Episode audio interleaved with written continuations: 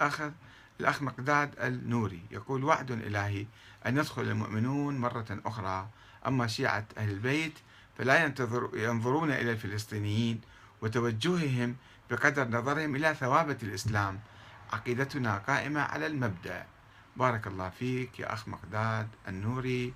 وسيكون كلامك خاتمة آه، حديثنا لأننا فعلا نعتقد أن هذه قضية قضية العدل وقضية نصرة المظلومين والقضية الفلسطينية هذه قضية مبدأ وليست تجارة وليست آه، يعني استغلال لهذه القضية. وإحنا نحن أشخاص عاديون نهتم بما آه، يجري في حوالينا من آه، من ظلم وطغيان وتآمر. وعندما نسكت عن الفلسطينيين وعما يجري لهم سوف يمتد الظلم إلينا أيضا.